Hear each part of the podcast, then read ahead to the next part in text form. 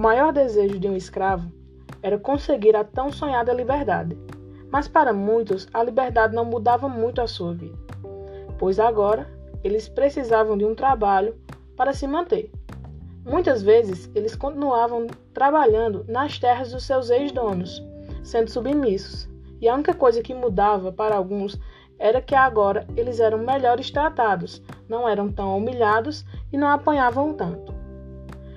Após receber a sua liberdade, eles tinham uma vida de miséria, de prostituição, pelo qual o pai colocava até as suas filhas nesse mundo, cometiam crimes para sobreviver e viviam pedindo. Alguns, algumas dessas liberdades eram gratuitas, que eram condicionais, ou seja, eles recebiam a sua carta de manumissão, mas teriam que prestar favores que eram antes combinados com os seus ex-donos. Caso o ex-escravo não cumprisse o que foi combinado,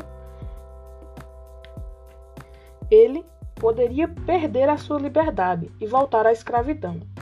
Ou seja, poderia acontecer a revogação da sua carta de alforria, também em caso de ingratidão.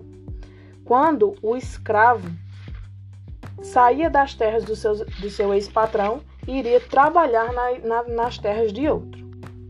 A autora também traz, no seu texto, a definição de liberdade onerosa, que era basicamente a liberdade comprada pelo escravo, pelo qual o escravo pagava ao seu dono um valor que era estipulado por ele.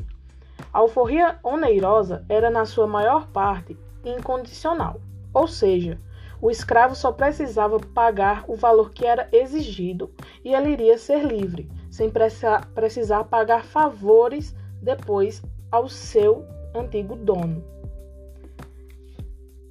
A autora traz o exemplo de uma alforria oneirosa, que é o caso de Benedito, que teve seu preço estipulado em 76.800 réis, pelo qual pagou em à vista ao seu dono 33.700 réis. O resto do valor seria pago através de diversos serviços prestados, pelo qual ele pagou com roças e animais. O caso de Benedito também mostra que o contrato foi quebrado, mas por do patrão, quando, após ele conseguir a sua liberdade, ele foi brutalmente agredido pelo seu ex-dono. Ele continuou sendo tratado como escravo. Então, Benedito resolveu denunciar, pois ele teria seguido as, as regras do acordo. Ele denunciou na sede da Justiça de Mariana, pelo qual lá foi feito um corpo de delito, pelos quais foram constatados as agressões por ele sofridas.